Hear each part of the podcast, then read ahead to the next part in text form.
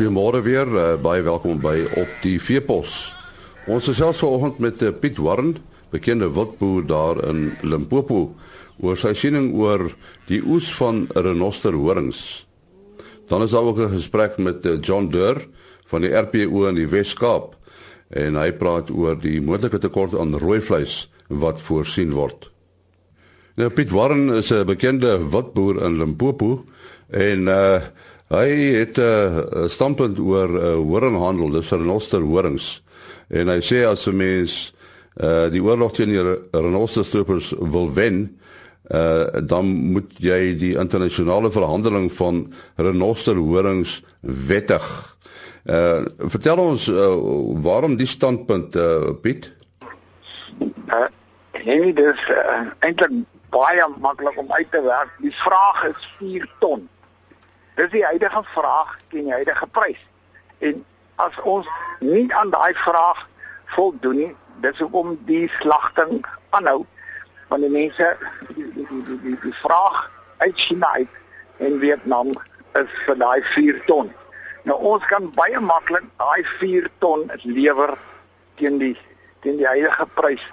Uh al kry ons die pouch prys, dan kan dit nog die boere op hulle plase hou en dat dan sal 'n renoster meer werd wees lewendig as dood.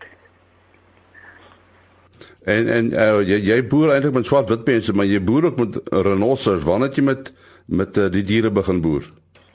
Nee, ek ek het in eh, die 90 se klomp renosters bymekaar gemaak en toe pout hulle bul by my in 2003 en die polisie en die staatsreaksie was van so aard dat ek toe uh, net daar en dan besluit het dat dis nou nie werk nie en ek het al daai renosters toe bemark. Ek was in toe weer China toe daarna en uh met na my besoek in China in 2000 uh sewe het ek besluit uh dis nou tyd om om om renosters te koop en ek het ingeklim en begin koop en uh, ek het toe nou het hulle eers 16 van my gepouch voordat ek die nodige bedrading, die nodige elektrisiteit en die nodige sekuriteit en honde en just like vir die alweer weet want alles in plek kon kry om myself te beskerm teen hierdie ongekende aanslag. Maar dit so is so eintlik so logies. Hier loop hierdie monsterbom met 8 kg op sy neus. Die huidige prys, pouchprys het nou opgegaan van 350 000 metika wat hulle jou betaal by Masingi na 450 000 metika. Dit maak dat uh, dit vir iemand net uh, ek meen dit gee vir jou rowweg 150 000 rand teen 3 rand 'n metika.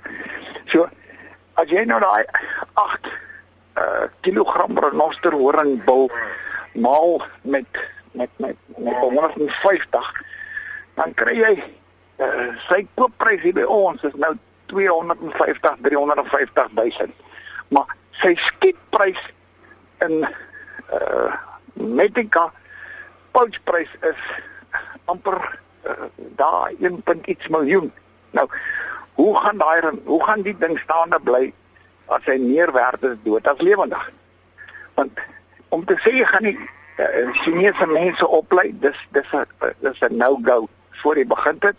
En om te sê jy gaan dit hierso met al die staats se weermag wat nou in die wildtuin is, en nog steeds het hulle 800 verloor. So as die werklike syfer sou uitkom dat die wildtuin nou nie meer by 10000 renosters is maar wel by 4000 gaan daar groot groot marakas wees. Want dis die fout ons boer agteruit. So uh, uh, as er 'n renoster so so horing afgehaal word, dan groei die die horing weer, né? Nee? Die horing groei Ek kan nou daar's nou twee konsepte. Jy moet onthou dis die horing groei teen 100 gram 'n maand. Rowweg 8 8 jaar oud bul. Maar jy kry vir die eerste 10 12 maande kry jy jou jou 100 gram daarna kry jy vir die volgende 7 maande, 6 7 maande sit tot by 5 verminder dit na 70 gram 'n maand. En dan daarna vandag van 16 na 24 sal jy nie meer as 40 gram 'n maand kry nie want die renoster loop elke dag en hy maak daai horing skerp. Hy vy skuur hom af. En natuurlik dit in hom ingeprint. Dis is sy wapen. Hy moet daai ding skerp by ons verdedig. So hy loop hom in skerp maak en dan van 400 na 36 sal dit al nog ek glo nie meer as 25 gram 'n maand nie. En daarna is dit nog minder. Word dit min gramme wat jy per maand bysit van die 100 gram wat gegroei word. Die Chinese eh, hulle noem dit shaving, hulle skeer 'n renoster twee male 'n jaar teen die presiese regte angle en dit is 'n beter ek weet as jy jou skape en jou angora bokke kan skeer Hoekom ons nie renosters nie? Ons praat nie van renosterhandel in die horings van die wildtuinse diere nie. Ons praat van hierdie wat by iemand op sy plaas is wat 'n naam het en wat bekend daai renoster is. Hy's iemand se. Ons praat van private owned property. Dit is hoekom die hof so nie vir, vir die minister toestemming gee om weer te appeleer nie vir 'n eenvoudige rede. Daar is geen logika in nie want dit is private property, is private ownership dis privaat besit. Jy besit dit jou renoster, myne. Ek kan hom nou gaan doodskiet ek wil. Ja, dis 'n interessante insig daarin van uh, Piet Warren, hy's 'n bekende wildboer daar in Limpopo. Ja, ons praat nog uh, steeds oor die droogte en die keer oor uh, die verwagte tekort aan uh, rooi vleis. Ons praat met die uh, die voorsitter van die RPO in die Weskaap, John Durr. Nou die die Weskaap uh, staan nou nie eintlik vreeslik bekend as rooivleis produksiegebied nie, maar uh, daar is sekere tekorte wat reeds ontstaan daar net John. Uh nee, dit is dit is reg. Uh die Weskaap produseer plus minus uh 10% of of laat ek dit so stel, uh, ons ons het plus minus 10% van die land se kleinvee.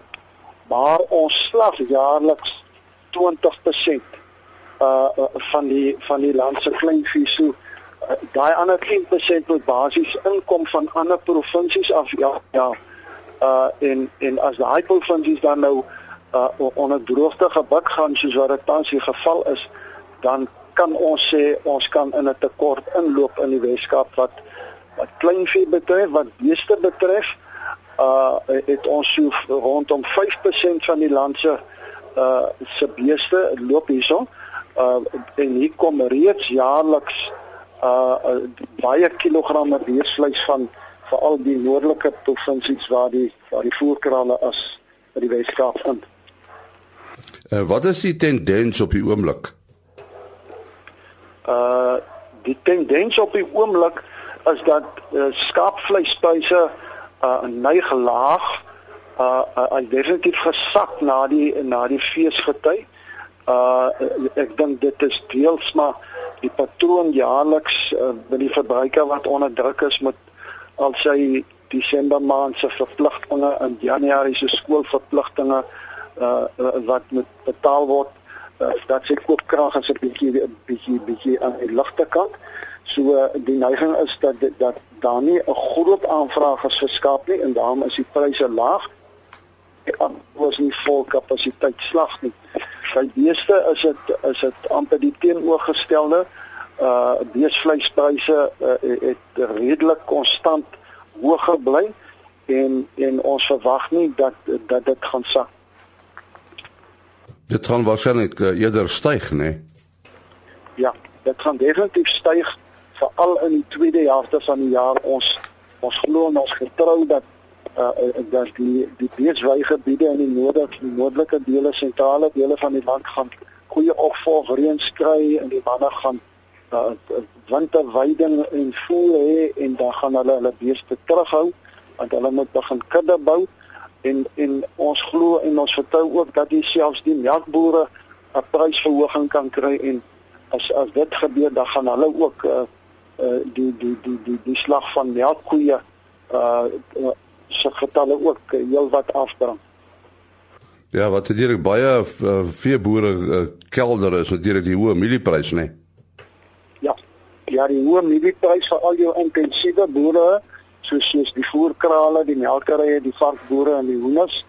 Uh hulle gaan kwai gebak onder die hoë mielieprys en uh, uh ons weet dat daar baie of heelwat geplant is nou na die reëns maar uh, en ons het gesien wat die oeskattingskomitee sê maar ek uh my vriende wat wat mielies geplant het sê hulle het nie mielies geplant om te oes nie hulle het mielies geplant uh, om om voerreserves op te bou vir die winter En, en dan die wisselkoers, uh, dit is bekend dat uh, dat Suid-Afrika ook nou vleis uitvoer en dit kan ook veroorsaak dat daar plaaslike kort uh, tekorte ontstaan. Ja, dis definitief so uh en jy sien dat die die opheffing van die van die back and close hier uh het, het uh, baie van ons groot voerkrale wat hulle eie abattoirs het het, het gedurende daardie periode wat uh, ons on, on, ons onder kwarantyne was het hulle hulle huiswerk gaan doen en hulle het hulle uitvoermarkte gekry en toe die and close hier opgehef word het hulle begin uitvoer en en en en die mense gaan definitief nie nou daar's geen rede hoekom hulle hoekom hulle hulle uitvoere gaan stop nie. Uh dit is baie gunstig met die wisselkoers. Uh skaapvleis aan die ander kant uh waarvan ons 'n tekort het waarvan ons weer met skaapvleis invoer uh, uh dit kan nie so lekker gebeur nie want uh, ons binnelandse prys is te laag teenoor die Australië en Nieu-Seelandse prys waarvan die meeste skaapvleis moet inkom. Maar maar daar's ook uh, plekke wat goeie reën gehad het. Dink nou aan die Suid-Kaap en die in die Oeverberggebied, né? Nee? Ja. In die Wes-Kaap is is ons deel basies die Wes-Kaap op in drie dele. Dis die dit is die Suid-Kaap Oeverberggebied wat omtrent so 49% van die provinsie se diere, uh, ons praat nou sommer van al die diere loop daarso en dan daai deel het nou twee drie goeie jare gehad en produksie is normaal by hulle. En dan het ons die Koopberg Swartland Weskus na Makwaland gebied. Daai gebied het so 29% van ons diere en die noordelike gedeelte van van daai gebied hier van Pakketberg Wes van Pakketberg in na Makwaland daai gebied is is dele waar dit rampdroogte is. En dan die sentrale Karoo gebied wat so plus minus 22% van ons diere bevat daar is ook dele wat wat rampdroogte gebiede is Ja, ons sê baie dankie aan John Durr. Hy is die voorsitter van die RPO in die Weskaap. daarmee ook die einde van die program. Ons is maandagooggend weer terug. Tot dan. Mooi loop.